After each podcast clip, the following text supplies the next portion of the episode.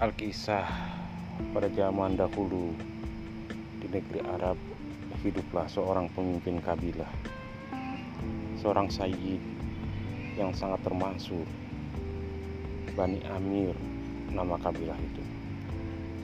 Tidak ada seorang pun yang dapat menandingi kejayaan sang sayyid.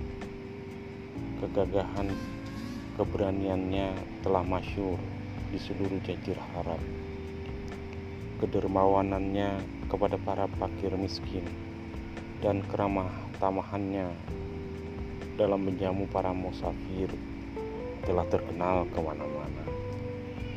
Namun meskipun dicintai oleh semua orang dan mendapatkan tempat terhormat layaknya seorang sultan atau khalifah, dia tidak merasa bahagia.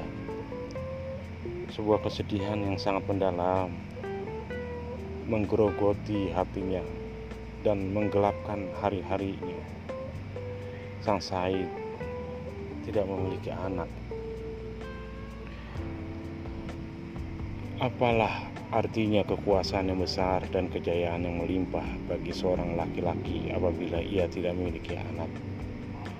Apa gunanya kemuliaan dan kekuasaan bila tidak ada yang akan mewarisinya kelak?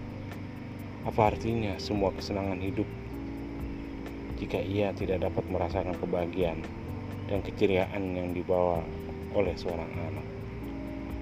Hal inilah yang selalu dipikirkan sepanjang waktu dan semakin ia memikirkan semakin besar kesedihannya.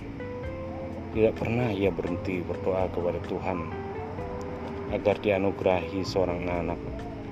Namun doa-doanya tidak kunjung terkabul. Ia merindukan bulan purnama yang tak kunjung muncul. Sebuah kebun mawar yang tak pernah berbunga. Meskipun demikian, ia tidak pernah berhenti berharap.